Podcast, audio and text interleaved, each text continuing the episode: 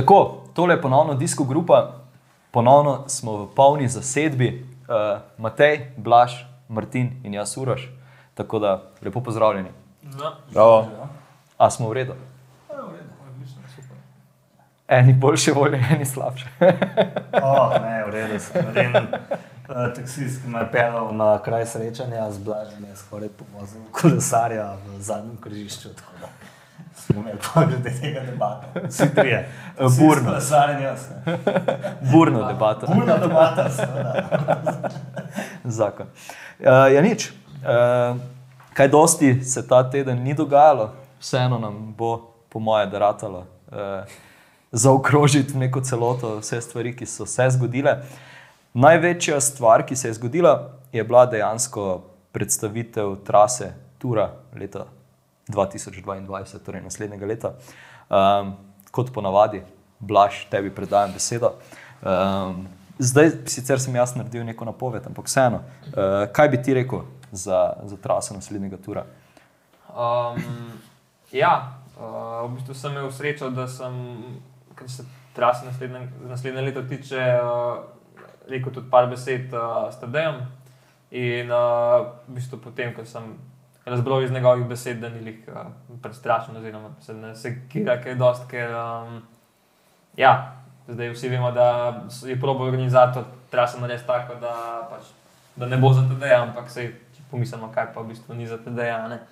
Um, mogoče ja, tiste kocke so pač najbolj nepredvidljive, ampak če tako pogledamo, so to v bistvu itak za vse. Tako da tukaj bo težko za vse, ne samo za njega. Um, sam osebno mislim, da bo že, da bo že prve etape zelo zanimive, če pridem dirka, sploh pride v Francijo. Sicer tiste danske etape, uh, ki ja, iz lastnih izkušenj vem, ker sem tam dirkal, da zna biti zelo vetrano in da v bistvu veter zna tukaj krojiti dirko. No. Že se lahko, ja, sem pričakuje se šalone že, že zdaj praktično, čeprav ja, ne vemo, kakšen bo takrat vreme, ampak uh, možnost za to je, je zelo velika. No, tako da dirka v bistvu lahko razpade, oziroma ja, lahko tam kolesarji kasirajo že par minut, ki jih pa tudi v, v klancih ne bomo mogli nadoknaditi.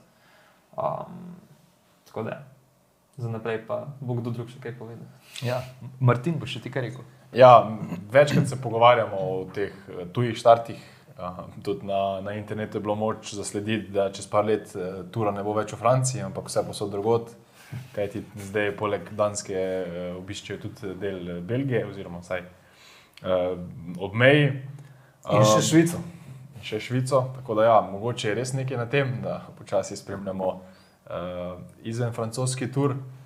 Ampak uh, je to nekako dober. Sam sem bil, imel možnost uh, obiskati um, štart tura v Belgiji um, in moram priznati, da je to neko posebno doživetje tudi za mesta, ki niso francoska, se pravi za tisto mesto, ki gosti Grand Depart, kot se imenuje um, začetek tura in definitivno je to tudi neka promocija Danske.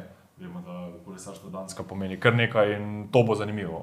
Blaž pa je že omenil, da se tudi drugo leto ne bo začel uh, nekako dolgočasno, mogoče vseeno nekoliko manj razburljivo kot letos, ampak vseeno bomo gledali precej zanimive etape.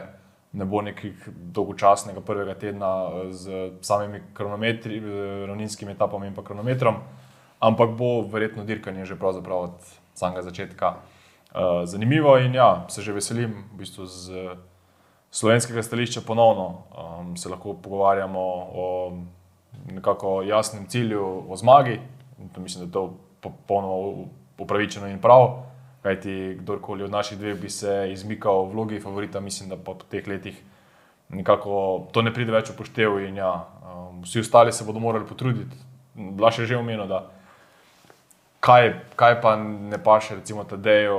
Moramo vedno vedeti, da nekaj, kar ne paše Tadeju, tudi najbrž komu drugemu ne. ne. Se pravi, kocke za lažje kolesarje verjetno ne bodo tako ugodne, ampak spet, Tadej ni niti uh, nujno najlažji med temi hribolasci in nekako sam nikogar od favoritov ne vidim, da bi se zelo dobro peljal po kockah.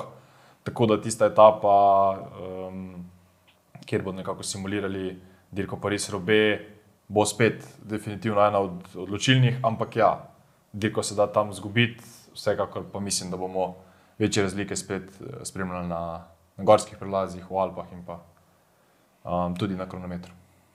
Ja, zdaj, eh, to, kar si rekel, da, da je bilo po internetu možno zaslediti, da, da, da bomo gledali ne samo dirko po Franciji, ampak dirko po še ostalih državah, je v bistvu dosti podobna trditev kot ta, da pač tlakovci uh, ne spadajo na dirko po Franciji, zaradi tega, ker nekje sem prebral, da so v bistvu bili vključeni v samo dirko že pred uh, dirko Pariru B, tako da mogoče zgolj za en intermezzo. Uh, da pač so prisotni že, že toliko let, da, da vse te, kaj pa jaz vem, so to razburjanje ali pa so to negiranje teh stvari, mogoče nima ravno smisla. Um, sem pa, ja, če sem pa zadnjič pravilno tudi razumel, uh, so pa v bistvu dodani štiri odseki, um, ki v bistvu niso bili um, dodani še v nobeno dirko do zdaj. Ne, pa niso bili nekaj drugega, tako da v bistvu ja, bomo na nek način videti tudi nekaj čist novega, oziroma ne bo, ne bo to taka etapa, kot sem taka dirka, kot pa res ljubena, ne se bo v nekem. Štiri odlakovanje odseki torej. Ja, ne bi bili v bistvu uh, pač popolnoma novi za, za kolesarstvo, nasploh ne zdaj samo za to. Ja, tako da um, ja, bo v bistvu kolesarji mogli že v pomladanskem času mogoče odvoziti uh, kakšno lažjo klasiko, um, da se mogoče nekako privadi na tak teren um, da vsaj dobijo občutek. Ja. Tudi taki kolesari, ki načeloma ne vozijo takih dirk. Okay. Matej, kaj si ti, kaj si ti uspel uh, mogoče slišati ali prebrati uh, od tega, ko so napovedali traso? Rekel si, da ja, moram priznati, da ja. si niti prav dobro ne pogledam traso nikoli, do pred, vem, 14 dni pred samo dirko. Neke te osnovne značilnosti pač poznam, ja, ta etapa po tlakovcih dva kronometra, s tem, da sta relativno dolga in bo to še en tur, ko um, se bo spet vozil večkrat več kronometra. Uh, mislim, da je ta zadnji, predzadnji dan, dolg 40 km, celo najdaljši od leta 2013. Um, to je meni všeč.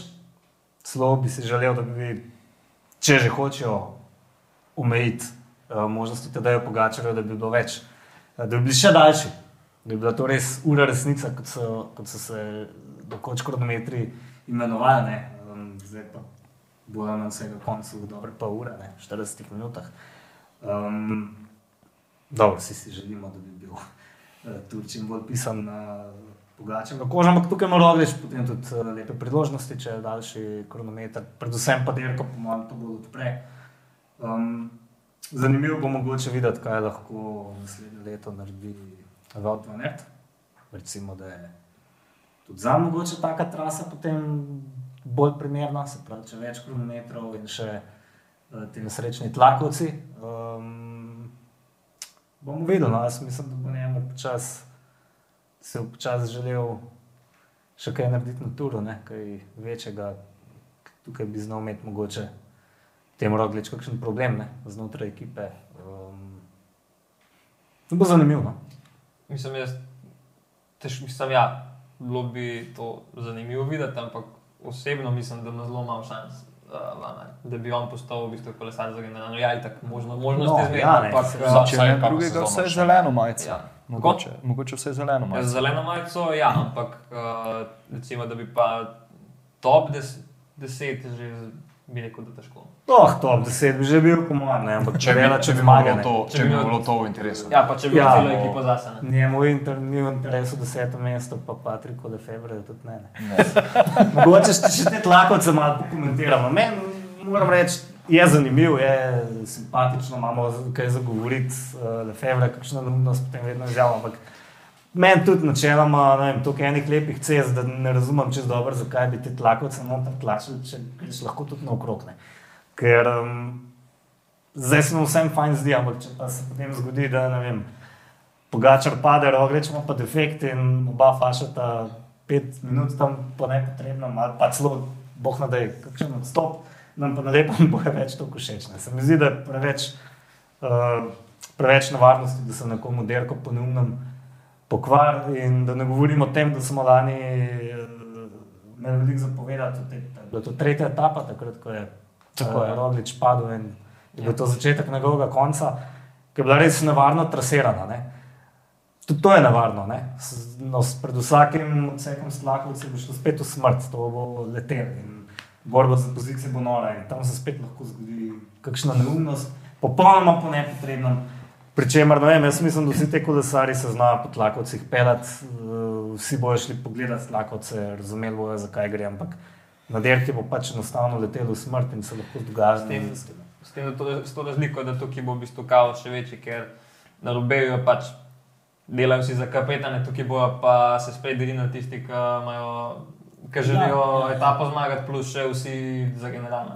Pa še tukaj- kakšen Vod van Erd bo hotel rumeno majico, ne, ne pozabimo. On ima ja. Možnost, da obleče rumeno majico po prvi etapi, se potem prebije čez Dansko, pa bo to kaj peta etapa, tam še enkrat zmaga in ima še večjo prednost in na lepem bojo vsi začeli govoriti o tem, ali lahko do konca obdrži rumeno majico. Ne. Tudi jaz ne verjamem, da bo, ampak o tem se bo govoril, ne, če ima na lepem, ne vem, tri minute prednosti pred, ne vem, vsemi ostalimi. Ne. Um, Potem še kronometer in ja, smo tam, kjer smo. Zdaj, zdaj pa sem tisti kar, korak nazaj, ne, eh, kaj vse napovedujemo, da se bo zgodilo, potem pa se ravno kontra vse zgodi. Ne? No, sej, to, to je pa narava kolesarstva. ne. Potem pa na, na, na kockah ne vidimo ni ene, niti enega defekta in se sprašujemo, Na zakaj. koncu sprint grupe. je Ja, Ja. Ja. Eh, Zmaga pa Kevin Diš. Kaj, kaj? Še to samo. Ja, čakam, čakam, da Lafayette reče, da nimaš niti sprinterja, potem pa ne vem. Ja, eh, Sam Bennett gre, ne? Ja. oziroma je odšel, kakorkoli. Um, ja, zdaj eh, nekaj klancev se po dolgih letih vrača, uh, ikonični, taki, ki bi znali narediti razliko. Ja, ne. Ja, Alduis ima pač ime. To je, to je definitivno tako, da ja, tam bo aj tisto kraljevska etapa, ne, to je zdaj mislim. Kira pa je sploh kraljevska etapa, kdo to določa, to ne vem, to si tako. Ono, ko je na dan panca Bastilje. ne. In to je. Aha, ja, za francoza, za fran, če francoza vprašaš, ja, ti bo to rekel. Ja. Ampak, uh, ja, no, ni, ni zdaj samo ena ta, taka etapa, ne. tudi uh, že tista na Pogačarjev, Planš de Belfi, že tista bo zelo zanimiva. Um, pa, ja, še ne par takih usponov, katere imena se še. Dvakrat ga ljubi, ne? Ja, Ja, pa, jaz, ja. ja. Dvakrat grejo na BLB, dva dneva zaporedoma. ja, pa od, Otakan, ko Ja, Otakan. Ja, ja, to potem, ja. Centralno se. Ja, uh, super, Le Planche de Belfi uh, bo ponovno tako, kot je bilo leta 2019. Ja, Kjer- zdaj grejo še mečkan višji, kot vem. Še dodatno po višje kot nekem 2019. Odseku uh, Makadama, če sem prav. Ja, se to, to so mislili, da že bilo 2019 so. Aha, so tole- 2019, ja, ja, ja. Ja, ja. Ja, In, ja, in ravno takrat se je pričakovalo pf, ogromne razlike, totalen razpad sistema. Na koncu mislim, da je bilo 9 sekund razlike med. eh, Mislim, da je le Filip, če si Ja. dubo in to je bilo to. To, to, to pa je bilo vse. Ta- Tako da, ja, pač te, te napovedi, pa naše, naše predvidevanja se potem večkrat izkažejo za neko čisto nasprotje vsega. Eh, dejstvo pa je, da pač ja, kolesarji potem naredijo, naredijo dirko takšno, kot je. Um, Sploh ne vem, kam sem zdaj želel zapeljati to misel. Uh, ampak ja, uh, kar sem še napisal v našem uh, četu, je to, da pa je potem Matej rekel, da vsako leto rečemo enako, ne, da pač zgleda zelo, zelo težka trasa. Pa se mi zdi, da je mogoče še, ne vem, za moj okus še, še težja, kot je bila letošnja. Ali me, ja, ali me občutek vara. Ja, odvisno, koga, koga vprašaš. Ne. Enim, enim je odgovarja, to, da je trasa težja. ne. Um, odvisno težje v kakšnem smislu. Je težje za zmagati ali je težje kot. Da bojo tisti kolesari, ki so bili do zdaj dobri, bojo pač še boljši. Ne, to sta zdaj dva različna pojma. Ampak uh, ja, v bistvu tisti, ki bo zmagal tudi naslednje leto, bo v bistvu pokazal, da je zelo, oziroma najbolj kompleten kolesar tiste sezone, če lahko tako rečem. Ker se pravi, če se znaš voziti po vetru, se znaš voziti po tlakovcih, znaš voziti kilometre, znaš voziti po spone, pol si nekako zaslužiš tu zmago. Tako da po eni strani, ja, basati zdaj um, tlakovce v tudjem, ja, če nekoga vprašaš, malo tako, tako, ampak po drugi strani pa v bistvu tisti, ki bo tukaj zmagal, ja, bo pač si bo zaslužil, ker bo pač najbolj kompleten kolesar.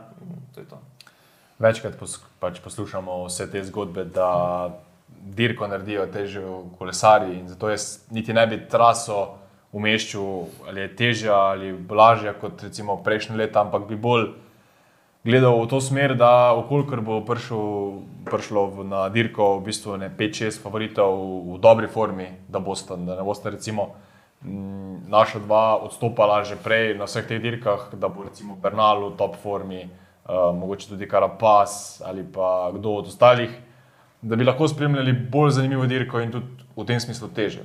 Ker takrat se bo dirkal res na polno, um, medtem ko če bomo pa spremljali nek dejansko prevlado enega kolesarja ali pa tudi dveh, pa lahko spremljamo mogoče daleč od dolgočasne dirke, ampak vseeno nekoliko lažje, ker se bosta ona dva oziroma on, um, tisti, ki bo prvi, nekoliko podredil dirko in bomo spremljali drugače. Tako da jaz ne bi toliko na traso delal, kot pa potem, ko bomo videli situacijsko, kako so kolesari pripravljeni, v kakšnih postavah bodo ekipe prišle, kdo bo dirkal, uh, zakaj. Recimo. In tu pride neka taktika v igri, ki mislim, da bo bolj povedala, bo ta dirka ena najtežjih v zgodovini ali pa bo zgolj samo še ena dirka po Franciji.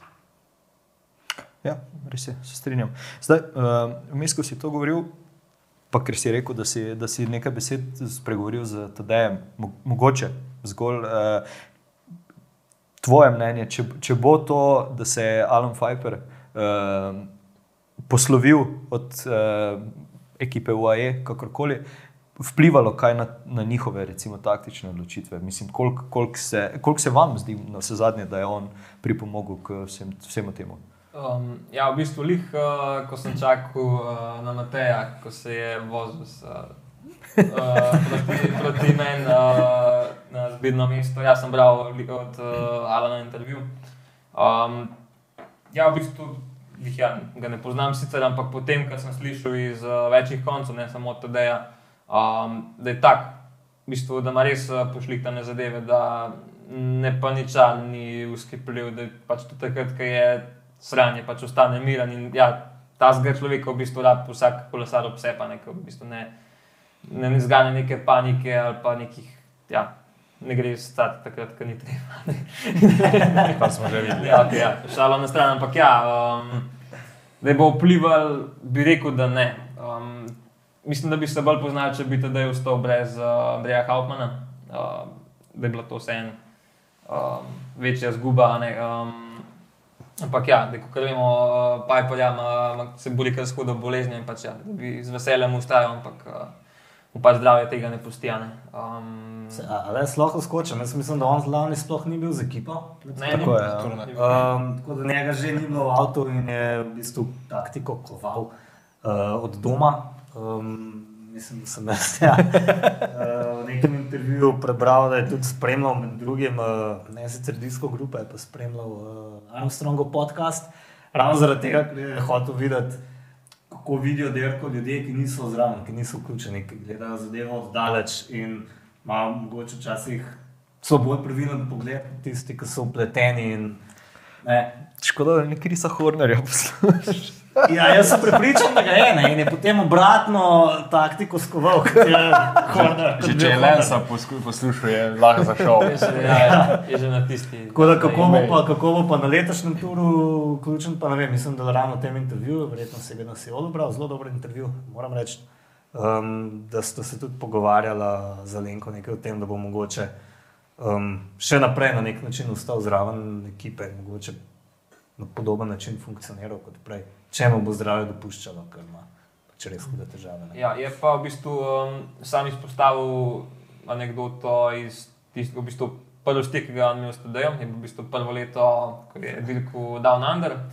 In kaj se je takrat zgodilo, v bistvu, ja, malo nerodna situacija, ker je TD takrat izgubil pasoš in uh, ni mogel v bistvu se vrniti domov. Uh, Lih takrat je pa mislim, da je bil nek avstralski praznik in so se mogli res pomatrati, da so pač mu priskrbeli nov uh, dokument, da je lahko v bistvu šel domov.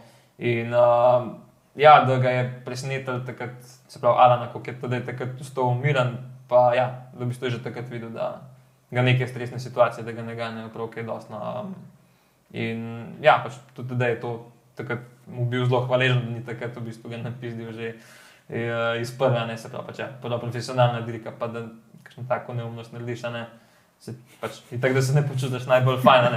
ja, mislim, da športni direktor to lepo sprejme, je zelo velik vreden, kam mislim, da bi marsikakšen um, bi ti to naprej metal še celo kariero. Ne? Je pa tudi sam rekel, ne, da v enem intervjuju, da v bistvu je bil Alan njemu bolj kot uh, na človeški plati, oziroma bolj kot za življenje, ga je naučil več kot recimo za kolesarstvo. Da je tudi od ostalih ljudi mogoče v kolesarstvu že več prej črpal, pa tudi zdaj, uh, medtem ko pa osebnostno je pa v bistvu od njega se zelo največ naučil in mislim, da še vedno bo nekako ostal vsaj toliko v ekipi, da bo na voljo za kakšen pogovor. In pa te stvari, taktično pa ja, omenili smo že, da je že lani v bistvu um, nekako oddaleč spremljal, da je avto bil Andrej Hauptmann in tudi to mislim, da se strinjam popolnoma z Blažom, da to, da bo v avtu sedel še enkrat Andrej in da bo v bistvu on nudil prvi. V prvi bojni liniji za, za TD-ja mislim, da to TD-ja tudi ogromno pomeni, ne? ker psihološko je pa to tisto eh, nekaj več. Ne? taktično, ok, še vedno v avtu mora biti komanda, ne sme se iti na stranišče, ko se to ne dela. Ampak po drugi strani pa je tur dolg, eh, naporen in vse te stvari pridejo lahko kolesarjem do izraza. In če imaš nek, v avtu nekoga, ki ti zaupa, ki te pozna, um, mislim, da ni, ni človeka bolj primernega za avto kot pa recimo Andrej Hauptmann, ki tedaj že dolgo pozna in očitno zadeva funkcionira. Tako da jaz mislim, da se ta stvar ne bo poznala in ja, nekako vsi si želimo, da bi Alano zdravje služilo najbolje, kar mu lahko in da se v miru nekako spočije in uživa. Ampak kaj če te festišči? Ali če te res festišči? Vzameš flašo, ne? Flaša. Vse je kupenih bidonov, Ja, malo mislim, bidonov. potem pa bidon zamenjaš. Shit. tako da ja. Elektrolite, ne bo nekdo vnesel tvoje. Ne, mislim, da zagotovo, no, verjetno kako anegdoto iz uh, športnih direktorjev, ampak zagotovo ni eden od ljudi, ki pač to se dogaja. Skoraj zagotovo sem, da na šesturni dirki se pač tudi urinira v avtu in te stvari, ampak to se naredi kot se mora. Nam boš zaupal, blaš. Kakšno tvoje? Uh, ja, no, jaz na, na srečo zaenkrat s tem še nisem imel težav, pač skočiš prej. Pa, mislim, moja izkušnja je, da nikoli ni to hudo, da ne moreš še pet minut počakati. No. Tako da se da. Okay. Pa. Če pa klanc dolg 15 km, in pol spust, tako da niti se ustaviti ne moreš. Um, ok, zdaj izpostavljali smo predvsem ta deja. Uh, danes sem prebral, da je vsaj enih deset, tako narekovajih, navideznih eh, favoritov za, za dobre uvrstitve. Zdaj, poleg Tadeja in Primoža, pa Egana Bernala, bi še, koga, koga bi recimo vi še izpostavili? Ja, če so tu kocke v nekem faktorju, tudi dokazuje, da se zna voziti na kronometer. Uh, vsaj eh, spodobi se vsaj enega francoza, Demo ali Filipu še eno šanso. Jaz mislim, da ta trasa bi znala biti nekoliko um, po kockah, se vseeno, po mojem, vsaj enako dobro pelje kot ostali pretendenti za generalno razvrstitev. Od drugih kolesarjev pa ja, Karapaz, Bernal, morda želel bi si nekako še koga v tem krogu, bodi si Lando, bodi si uh, Lopeza. Videli bomo tudi, kako bodo ekipe, ekipe formirale svoje, svoje favorite za največje tri dirke, ki vemo, da zagotovo bodo nekoliko razporedili moči. In pa ja, vseeno pa mislim, no, da še vedno uh, subjektivno ali ne iščemo zmagovalca. Mislim, lahko označimo kot prva dva favorita Primoža in Tadeja, um, potem pa ja, vsaj Bernala bi še dal nekje blizu. Um, vse ostalo bo pa, vsaj za me, manjše presenečenje. Enrik Mas, presenečenje. 105, ok. Kaj pa videl? Um, ja, mi smo se prej z Matejem avto pogovarjali, oziroma je on omenil, da pravimo doskrat, da, v bistvu, da smo imeli srečo, da se nam je zgodil Roglič, pa pol v bistvu par let nasnej, kasneje še Pogačar, ki je kolesar, ki se rodi na vsake sto let. Kaj pa, če bo zdaj naslednje leto se pa še en tak kolesar pojavil, ki sicer ne bo slovenc, ampak um, pa bo v bistvu na takem nivoju, kar naenkrat v enem letu. Ne, um, tako da pač nikoli ne vemo, kaj se lahko zgodi, sploh zdaj v zadnjem času, ker se dogaja, da so mlajši kolesarji v bistvu zmeraj boljši. Um, ampak ja, to je zdaj tako. Eden izmed možnosti, a ne, ampak um, ja, koga bi tukaj še? Lando za četrto mesto. ne? Tretje, A, ne, če ne večno bo šel tretje. domov, ne. Ne, tretje, če pride do cilja. Okay. Ja, Saj saj- to smo zdaj zelo saj je, zelo zelo. Uh, Nek sem bral, da v bistvu je vsak, ki je bil kot ta super domestik za Lando, na katerem koli grem tudi do zdaj, v bistvu na koncu bo boljši kot on. ne. Se pravi, in Hejk in Karuzo. Super in statistika. zmer- Ja, v bistvu, če, imaš, če si pomočnik od, uh, od Landa, v bistvu boš tam Mogoče 10. gre drug let tratnik za pomočnika? Šanse so. Ja. Um, pa kdo je še tak? Da je v bistvu, ja, Fino je tak, ne vem. Težko, no. Jaz, jaz, na, jaz ja. nasajam Ala Filipa. No, ja. Če že moramo francoze omenjati, jaz mislim, da vse, ampak ja, nikoli ne bomo. Gudu, to so francozi, jaz vsaj, vsaj zaenkrat mislim, da še francozi bodo morali počakati kakšno leto. Ja, videli bomo, kaj bo z Vingegarjem, ne, ker um, Ja. ja. v bistvu je presenetil le, letos, um, nekako se bo pa naslednje leto odločila, bodo šli, kot je za Jumbo nekako klasično s tremi kapetani, um, ali bodo dejansko delali samo za enega, bo vprašanje, ne, ampak ja. Ja, Upamo, da bo pač v vsakem primeru primož dobil šanso, da se dokaže na to. Upam, da bodo Zdaj-. Zdaj v, v UAE hierarhiji je dejstvo, da bodo vozili na TD-ja, ampak vseeno bi znal biti presenečenje Ajusa. Zdaj, recimo, sicer ga še nismo videli na, na Mislim, tri da ja, bojo ja, dali že ja. prvo leto članek Ravno to. na, na Ko imaš, No, to imaš to deja, ne? se pravi, to tako javno mesto nekako rezerviraš, ponavadi ga uvajaš tako, kot so te deja želeli Ja, na duelti. ne, Jaz samo mislim, za- da bojo ja, z, njim, z njim naredili tako, kot so v bistvu študenti, takrat je prvo leto, da sem mu dal v bistvu zbirkati v Elto, pa še to je bilo takrat za TDA. Uh, mišljen, da bo vozil samo prva dva tedna, uh -huh. Pol pa, kako je situacija nanesla, je pač vozil do konca, pa je bil pač tretji na koncu. Pač tretji. Ja. Ampak ja, um, ni, tre, ni treba v bistvu s temi mladimi pretiravati, pa neki nasilo. Ne. Mislim, da začetek, če bo s tem, mislim, manjše dirke. Enotedenske dirke, um, da bo za, njega, za njegov razvoj, da bo odlično, ker ne rab, ne rab v bistvu Grand Toura že ta prvo leto. Tudi če ga ne da, niti ne bo to ne bo za njega nobena tragedija, ker glede na to, v katero smer se razvija, mislim, da ima kar svetlo prihodnost. Um, Me pa zanimajo, v bistvu, kakšno ekipo bojo prvo sestavili okoli Pogačara, sploh s temi novimi kolesarji, ne, kot so Almeida, Soler, uh, kdo je še. Bennett. Okay. Tudi ja, v bistvu ne. Um, zdaj, jaz nekako sklepam, da Almeidi bi, bi dal vsaj en Grand Tour. Um, Jaz bilo- mislim, da bo šel on lepo na Giro. Ne? Ja. Tudi meni se tako zdi, ja, pa v bistvu Eh, na toliko, toliko kot pomočnik, pa ja, mogoče da so Solerju dajo Vuelto. Um, ampak ja, tukaj pač na Tulu pa ni dileme, da bo v bistvu celotna ekipa podrejena. Um, Tadej me pa zanima, ali bojo vzeli tudi kakšnega šprinterja s sabo, sploh ta uh, mladi kolumbic, kaže. Hodž, mislim, da se Hodge, ja, Hodge. ja.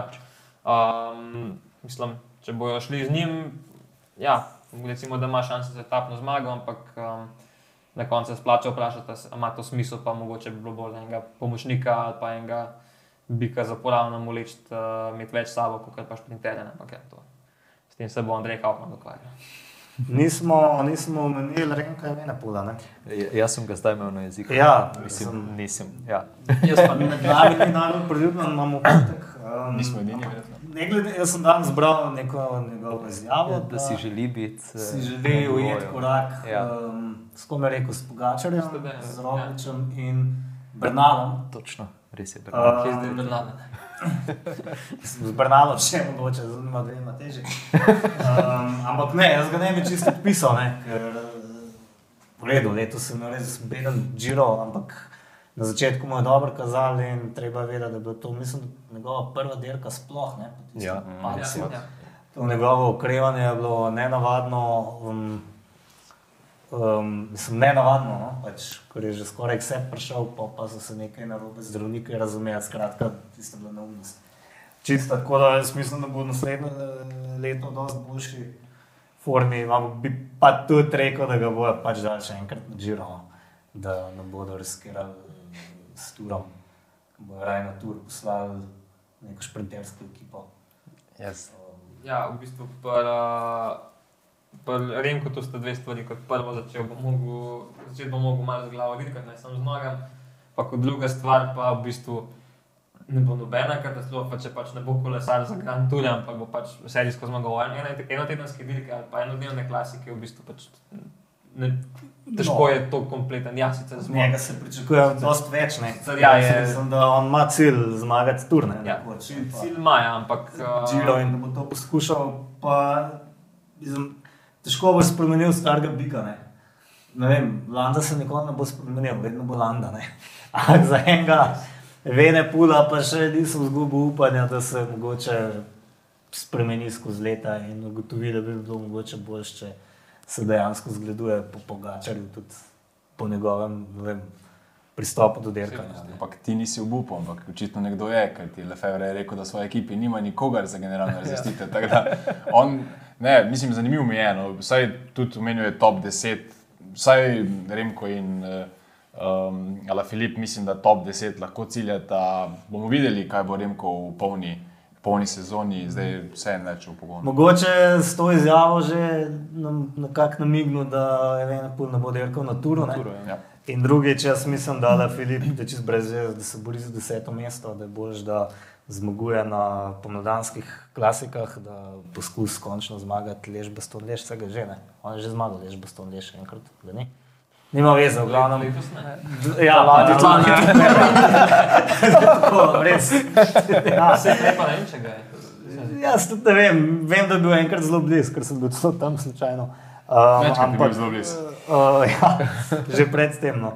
Um, da, da nima smisla se z njim za deseto mesto boriti, ker lahko dost več naredi spomladi, pa potem jesen na klasikah, pa mogoče spet na svetovnem prvenstvu. Ne, zakaj pa ne?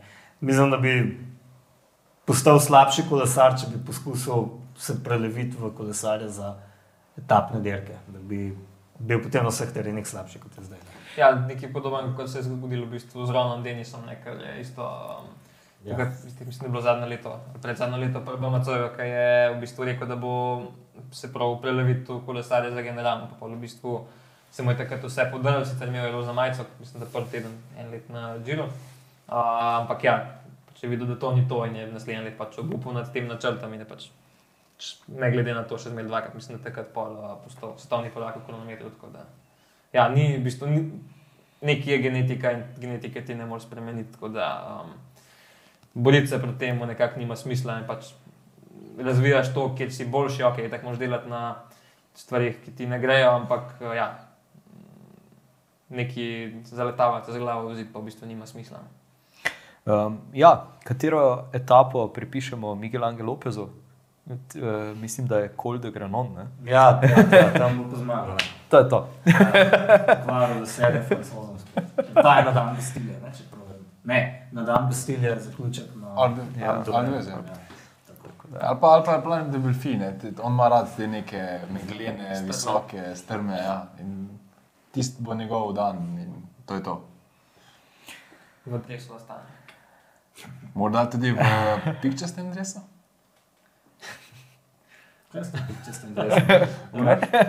Aha, to je zdaj segway v, v, v to, da, da je uh, dirka po Franciji zamenjala tudi dobavitelja, ali se reče temu Opremljevalca. opremljevalca za reko. z dresi. Uh, to je postal Santini. Um, predstavili so, ne boste verjeli, rumen, zelen, bel in pikčas dres.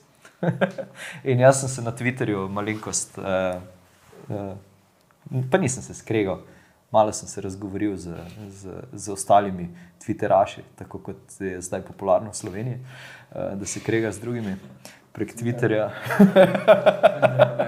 No, se tudi zelo sklenijo. naprimer, naprimer. Sam to mora biti pa dosti. Uh, sej nisem se slovenci. No. v glavnem, ja. Preden smo začeli to, tole snemati, smo imeli eno tako kratko debato, uh, kjer sem pač jaz čist iz oblikovalskega vidika rekel, da gre za uh, nespoštovanje uh, polkadot vzorca. Uh, zdaj tu imamo pripravljeno uh, nekaj stvari, ne vem kam je. A, tukaj je. Evo ga. Torej, uh, tole je polkadot vzorec. Kdo bi si mislil? Uh, Blaža in vse ostale sem prej uh, izobrazil v tem, da gre pri polkadot vzorcu torej za zamaknjene uh, pike, ki niso uh, kaj, v ravni liniji, kakorkoli. Uh, in ravno tole so naredili na dresu. Zdaj, dresa sicer nimamo uh, tukaj, No, ravno pokazali. tega ne, naredili so ravno obratno. Ne? Ja, ravno Ja. obratno temu, torej, da, so, da so pike v ravnih linijah, uh, ne zamaknjene. Uh, in uh, nekako pač ja, eh, šel sem raziskovati uh, zgodovino polka do vzorca. Uh, ne vedo, odkot se je polka poimenovala, uh, oziroma odkot je prišlo poimenovanje polka, sklepajo, da zaradi plesa. Je pa zanimivo, da je v bistvu v srednjem veku, ko uh, še niso imeli tako naprednih uh, strojev za barvanje oblačil, uh, pač bilo nekako z, negativnim, uh, z negativno konotacijo ali prizvokom, ko so ljudje to nosili, uh, ker jih je spominjalo na vse. Uh, pandemije in vse ostalo. Tako da, eh, mogoče kot zanimivost, da so ljudje pač, eh, se izogibali eh, oblačilom z pikčastimi vzorci, ker jih je to spominjalo na kugo in vse ostale stvari. Potem, tako da, ja, kar, kar zanimivo. Eh, Ker je zanimivo, ko greš malo v zgodovino, brati, ampak v zadnjih 30-40 letih uh, pa je pač pikčasti vzorec dejansko zaščitni znak dirke po Franciji in vse, kje druge bore malo pojavlja, edino recimo Disney ga še uporablja pri Miki Miški. Uh, tako da ja, ena kratka trivija, zanimivost pred trivijo vprašanje.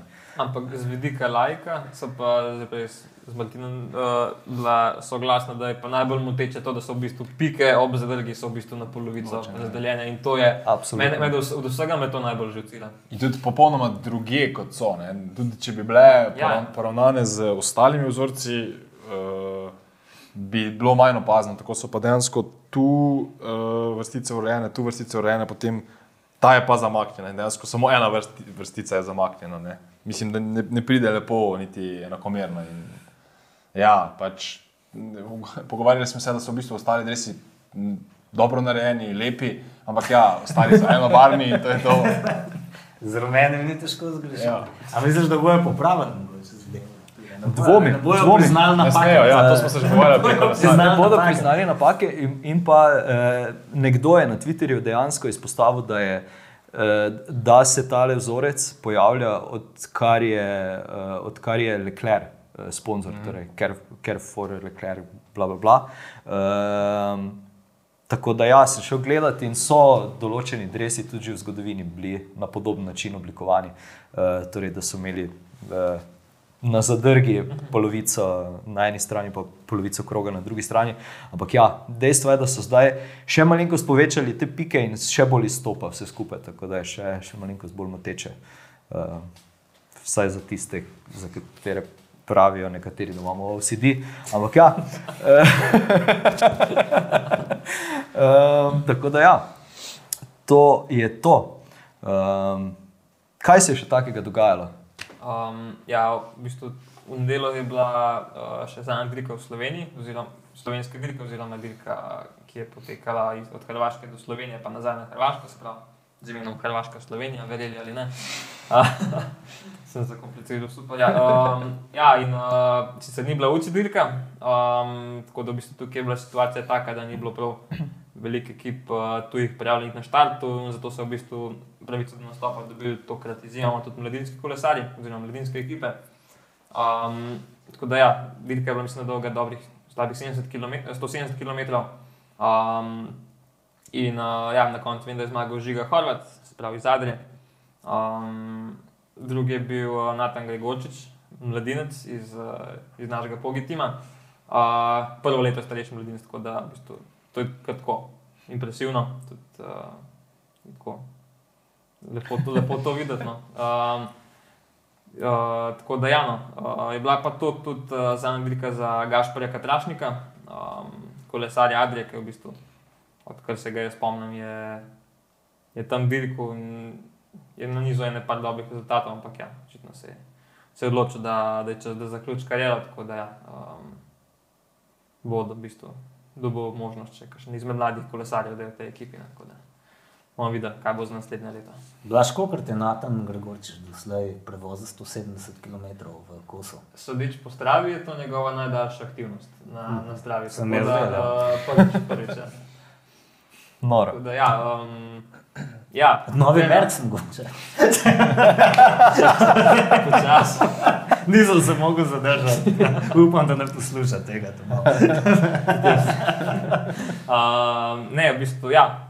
Mm, bomo, bomo videli, v katero smer bo tole šlo zdaj za meni. Se je še malo prehiter, ampak uh, ja, glede na to, kaj lahko prvo let starejši mladin uh, pokažeš, to je bilo kar, kar solidno. Tako da ja, se že veselim, kaj bo lahko naslednje leto. Uh, sploh si ne morem predstavljati, uh, kaj bi se zgodilo, če ne bi zdaj tega omenili. Torej, uh, dirka po Franciji uh, dobiva nazaj tudi žensko edicijo. Uh, pač ja, to. uh, in sicer koliko, osem etap bo ali sedem, to, to- to pa ne vem natančno. Mislim, da 8 in to je, bilo, Osem, to je bilo že znano tudi uh, po koncu letošnje dirke.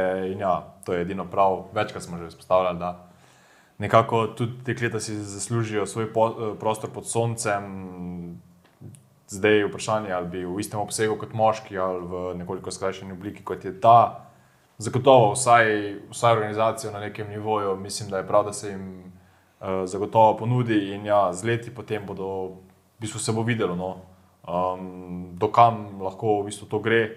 Um, zavedati se moramo, da nekje verjetno fizične ome- eh, omejitve vseeno so, um, vse je nekoliko drugačna naša genetika, delujejo naši organizmi drugače. In ja, uh, vsaj pozornost se naj da nekoliko več, vemo, da nikoli ne bo enake pozornosti deležna uh, ženska oblika dirke, kot pa zgodovinsko gledano, precej močnejša moška izvedba.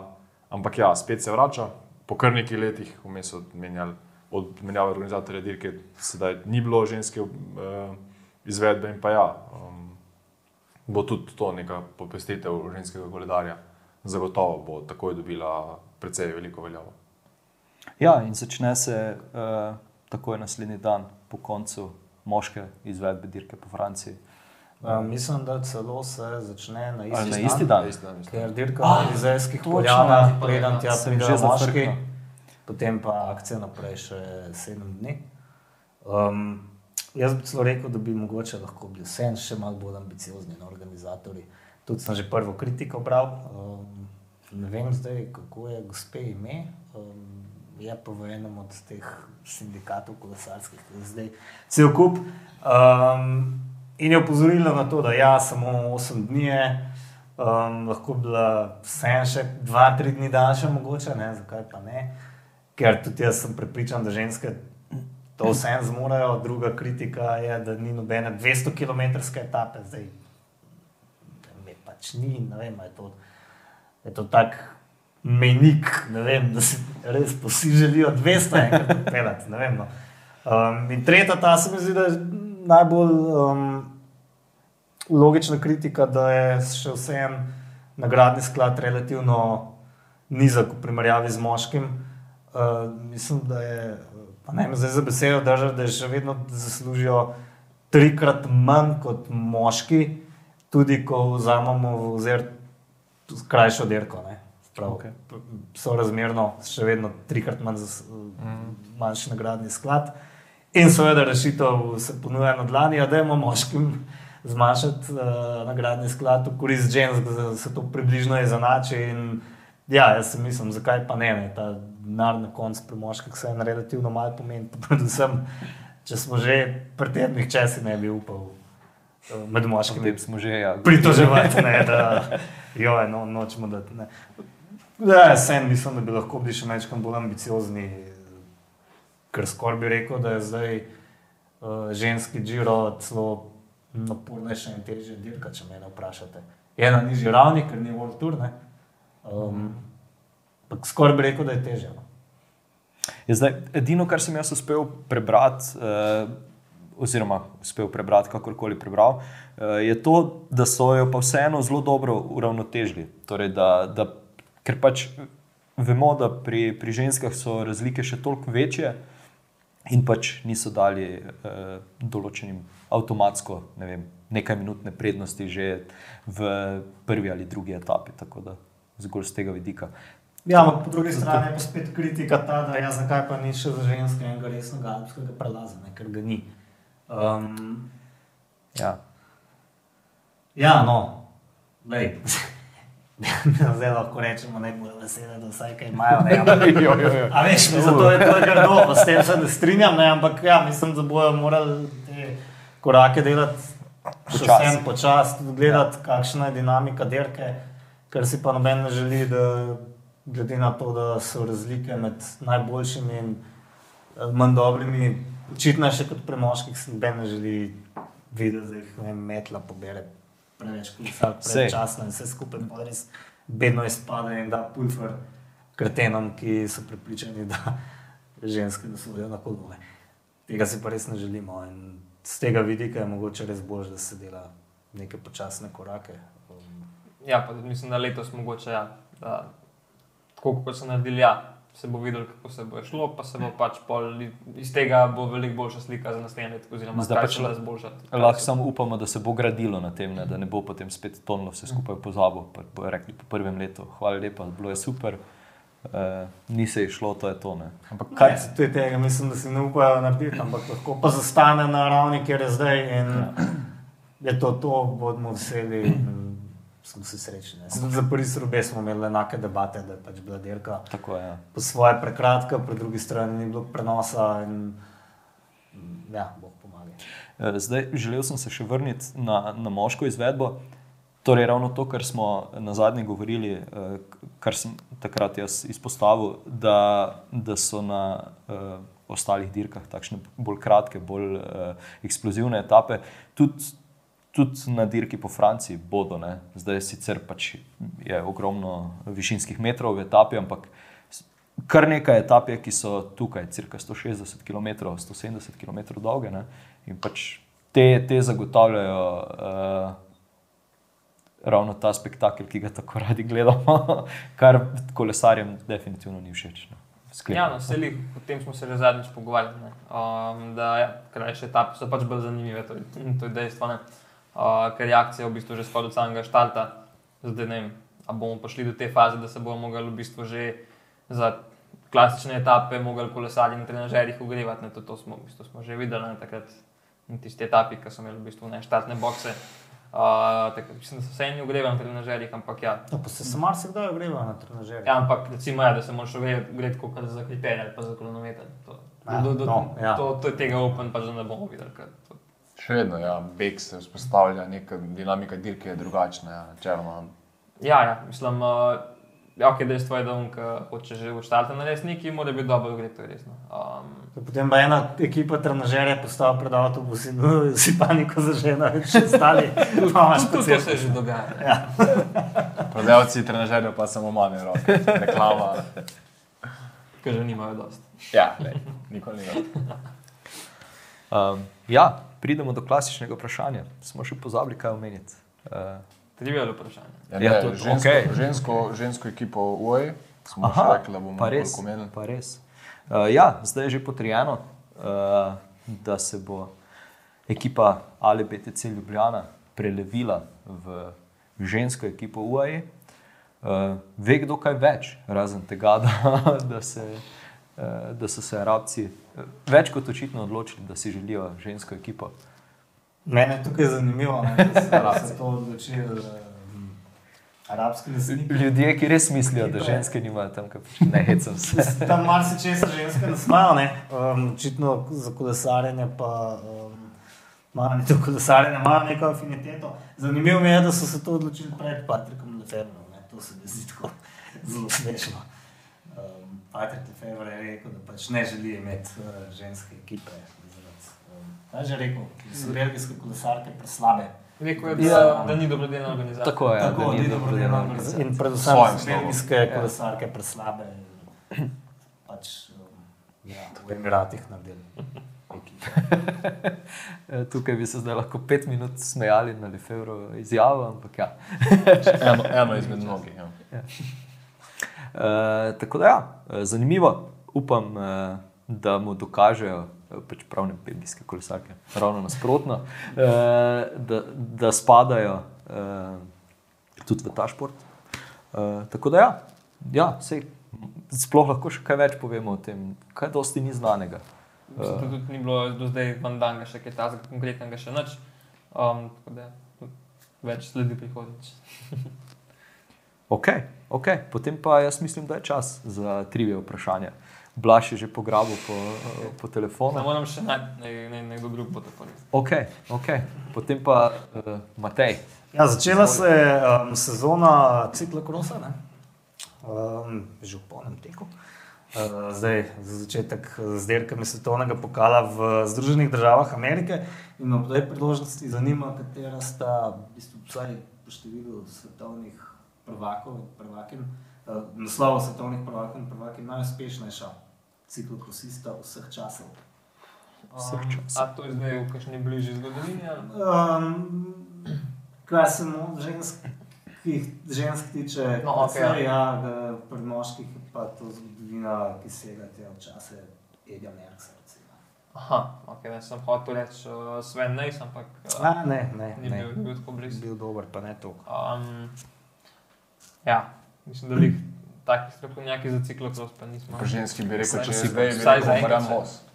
Ja, to imaš prav. Ne? Marijana Vos je osvojila Ali sedem naslovov svetovne prvakinje. ne.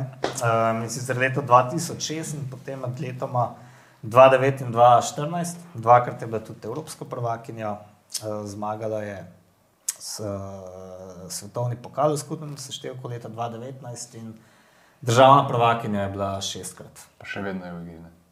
Še zdaj, Še vedno smo. še letos je uspešno. Še vedno zmaguje in sploh letos je uh, presenetljivo na. No, pa ne tako presenetljivo, ampak vsekakor boljše kot lani, tudi na ciklokrosih, Mm. z dvema zmagama v svetovnem pokalu. Moški, pa ne boste vedeli, pa Erik de Fleming. Okay. To je zanimiv kolesar, ki je bil svetovni prvak leta 66, pa potem med 68 in 73. Bil bi tudi uh, 67, pa je imel nekaj okvaro kolesa in se mu ni šlo. Štirikrat je bil tudi belgijski prvak, to je bilo včasih, ko je bilo menda celo težje zmagati na um, državnem prvenstvu Belgije, kot pa na svetovnem prvenstvu. Se skoraj še zmeraj tako ne. Um, zanimivo je, da je bil pa tudi on dober na cesti. Leta 68 je recimo zmagal etapo na Turu. Tako da bi tudi on imel Prav, že takrat so ciklokrosisti, uh, tudi če na drugih terenih najdem. Ja, tako. Sam ne v taki meri, kot zdaj. tako. Nikoli ga niso dobili na dopingu, samo pa zanimivo um, po karieri. Mislim, da celo zdravil um, na kliniki zaradi odvisnosti od amfetaminov. ali nekaj takega. Odlično. Se o tem nekaj dosti govorili. No. Pometli po kar- Razen kar je govorili klasično. se, da je znal biti podelkar zelo, um, um, a, kako se temu reče, napadalen, no? agresiven. Aha, agresiven. reče, tako. Ja, tisti Ja. doping testi v tistih časih so bili tako malo vprašljivi. Ja, tako. Ampak je. Smo tu. Tudi v kakih kasnejših časih, ampak ja. Tudi ja. Ja. Uh, Ok. kdo A si ti že pripravljen? Sem pripravljen. Martina. Ok, Um, potem pa izvoli. Ja, uh, jaz sem pa eno tako malo statistično, v bistvu tako. Kako rečemo, te bedno vprašanje. Uh, v bistvu, ja, uh, v bistvu tale statistika live stats na procycling statsu, v bistvu, kam imajo tele prenose v živo, vsaj na teh malo večjih dirkah. Um, redno belež v bistvu tudi vse te napade, vsaj tiste malo resnejše. Uh, Zdaj pa me zanima, na kateri dirki, uh, pač med profi seveda, pa je bilo v bistvu največ takih resnih napadov. Se pravi, enodnevna dirka, oziroma enodnevna dirka, oziroma etapa, kje je bilo največ napadov, oziroma koliko jih je bilo. Pa, da Aha, se tukaj- skupno največ Na, na, na napadov. celi dirki, oziroma etapi, pa v bistvu, da so to neki resni napadi, da ni zdaj to pač nekdo na skoč, pa ga v bistvu ujame po minuti. Ne. Jaz bi rekel svetovno. Jaz bi rekel, svetovno pa evropsko sta mi tu v bližnji prihodnosti ja. najbolj bila taka zelo burna, ampak Sklepam, da ni, ne? Ampak, to je- pa, zdaj, Pojma, samo za ne letošnjo sezono se. gledamo. Ne, Letos, to Ok, letošnjo ok. sezono, ja. Še imate? Kaj jaz vem, ne vem, več ne bom rekel. Okay, ja, v bistvu je imel Martin uh, prav, to je bilo Rusko prvenstvo letos, Okay. kjer je zabeleženih kar 14 uh, takih resnejših napadov. Um, kar če gledamo, da Evropsko prvenstvo ni bilo neki brutalno dolga dirka letos, uh, je tako kar en. V bistvu, ja. uh, v bistvu, zadane bistvo, ko bi rekel, temu, kar smo jih prej govorili, da uh, so v bistvu krajše dirke, bolj agresivnejše, bolj napadalnejše. Ja, Cool. to. Zanimiva ste. Zanimivo ste. zanimivo je tudi to, da je bilo Evropsko prvenstvo praktično ena redkih dirk, ki jih si skoraj nisem ogledal. Razen zaključnih kilometrov. Tako da tega ne bi mogel vedeti. Žal. Ok, kul. Cool. Um, Martin. Ja, v bistvu jaz sem dolžen eno pravičilo za prejšnjo etapo, uh, oziroma epizodo. Uh, Zahvaliti se moram Mateju, ki je v bistvu popravil moje vprašanje. Nažalost, ga ni bilo v živo, da bi povedal pravilen odgovor. In izpadlo blazno v dobro. In mene rešil pred blamažo, ki jo moram sedaj eh, reševati. In ja, Eddie Merckx je v bistvu poleg Tadeja Pogačarja bil uh, zmagovalec v isti etapi uh, Liež, Baston Liež, Tura in pa, in pa dirke po Lombardiji. In sicer mu to uspelo v dveh letih, dvakrat zapored, eh, leta 71 in pa 72. Pa še dodatno napako sem naredil, da v bistvu to nista bila edina kolesarja, ki sta poleg Tura uspela dobiti še dve, dva spomenika, kaj tudi Fausto Kopi je v bistvu leta 1949 dobil poleg Tura, Tura tudi dirko Milan San Remo in pa Lombardijo. Za nameček pa je v istem letu osvojil še Giro, italijansko prvenstvo, tretji pa je bil tudi na svetovnem prvenstvu in v Londonski puščici, kar je v bistvu kar precej uspešna sezona. In v bistvu, če bi, če bi takrat beležili te točke, ki jih poznamo danes, mislim, da bi bila to dejansko ena izmed bolj uspešnih, če ne celo najuspešnejša sezona. Uh, za danes sem si v bistvu pripravil pol dve vprašanji kot nekako upravičilo za to. In sicer uh, tudi jaz sem nekoliko brskal po letošnji sez- sezoni, po statistiki in v bistvu me zanima iz ekipnega vidika. Uh, Kera ekipa je po vašem mnenju najbolj odvisna od zmag enega tekmovalca? Najprej v vseh dirkah, potem pa posebej sem pogledal tudi uh, World Tour dirke. Jaz bi rekel, UAE. Jaz tudi. Profesionalci, Ja. ja. mislim, da tako. Ja, tudi meni najprej UAE pade na pamet. Um, zdaj v bistvu je tako, če začnemo tam, kjer ste bili najbližji, čeprav ne posebno točno, v samo World Tour dirke, če pogledamo. Ne. V bistvu je bila najbolj odvisna, kajti ima eno zmago in od enega kolesarja je ekipa Kofidis z Viktorjem Lefejem. A Na drugem mestu pa najdemo ekipo UAE, kjer je v bistvu od skupnih 14 zmag 11 zmag prispeval Tadej Pogačar, kar v bistvu znaša dobrih 78 odstotkov, nekako na drugi strani kot proti utež, pa mogoče katera ekipa je pa najmanj uh, odvisna. bila. Klonin quick Quick step. step, ja. Kvečem, pa, pa so po mojem že bili tudi Ineos pa Jumbo Visma. ne. Jaz bi rekel eh, DSM, ni DSM nekaj vsakič z drugim zmagal, čakaj malo. To je bilo mogoče lani. Ja, ne, zdaj, če gleda statistiko na celo. Aha. Ne, kot na le, mislim letošnjo, Letošnjo letošnjo sezono. Okay, potem. V bistvu ma- pustimo Matejo, ker je Matej bil precej blizu, sicer sta v obratnem vrstnem redu. Se pravi, ekipa Ineos je dejansko najmanj, uh, kajti Gana in Egan Bernal oba dva s po tremi zmagami, skupno so jih imeli 16, torej nekako dobrih 18 odstotkov, medtem ko je Sam Bennett s 25 zmagami celotne ekipe dodal 5, kar je 20 odstotkov. Uh, če pa pogledamo vse dirke, ne, kot je pač nekako bolj, bolj poln vzorec, je pa v bistvu ek, ekipa Quebeca NextHash nekako najbolj uh, odvisna, kajti v, celih, v celem sezoni so nabrali pet zmag, od tega tri uh, Giacomo Nicolo, blizu sta tudi uh, ekipi Loto Sudal, kjer je Evan 4 od 12 in pa uh, ekipa DSM, kjer je Michael Storer v bistvu dosegel polovico njihovih zmag. Um, na drugi strani pa najdemo podobno kot že prej, ekipo Dekoni Quickstepa, kjer je Cavendish v bistvu od 65 zmag uh, dosegel kar 10. Uh, podobno vprašanje, oziroma neko, aha, umenil bi še tu v bistvu ekipo Eola Kometa in pa Alpes in Phoenix, sicer nista World Tour ekipe, ampak sta letos zmagovali tudi na World Tour ravni. Uh, Eola Kometa je nažalost, na našo žalost osvojila eno etapno zmago, uh, verjetno si se spomnite Fortunatove zmage na uh, Zokolan, ekipa Alpes in Phoenix pa kar 14. In v bistvu polovico teh, točno polovico teh, uh, Matiju Venderpol. In če primerjamo z ostalimi ekipami, je precej uspešna. Uh, mislim, da sem pogledal, nekje štiri ekipe so bile uspešne po številu zmag. Uh, tako da ja. Druga ekipa, drugo vprašanje pa je, katera ekipa ima največ različnih zmagovalcev v letošnji sezoni. To pa zihar Dekoni quick step. Ja, Jaz bi isto rekel. Kaj pa najmanj?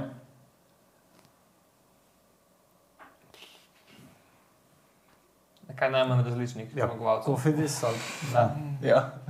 V bistvu, ja, Tudi v- Intermarché mora biti dost nizko. ne. Ja, v bistvu odlično, odlično um, Matej. V bistvu, ja, Dekonik Quickstep ima v bistvu 10, samo World Tour dirke gledamo 10, Jumbo Visma 9, Ineos 8, po drugi strani pa Kofidis 1 uh, uh, in pa ekipa Intermarché Vantigober in pa grupama FDŽ po 2. Na pač celotni sezoni gledano tudi dirke nižjega ravna, ra- ravni, pa v bistvu Dikoni Quick Step še nekoliko več, 18 znak, drugo mesto Bora Hansgrohe 14 in pa Jumbo Visma 13. Uh, v spodnjem delu pa Quebeca, NextHash 3, DSM 4 in pa Cofidis uh, 5. Tako da to je z moje strani vse. Zdaj, zdaj še mora samo. Lefebvre reči, da nima v svoji ekipi nobenega za, za zmage. Za. Ja, za- ne za GC, na splošno za zmage, ne? to je premalo. premalo.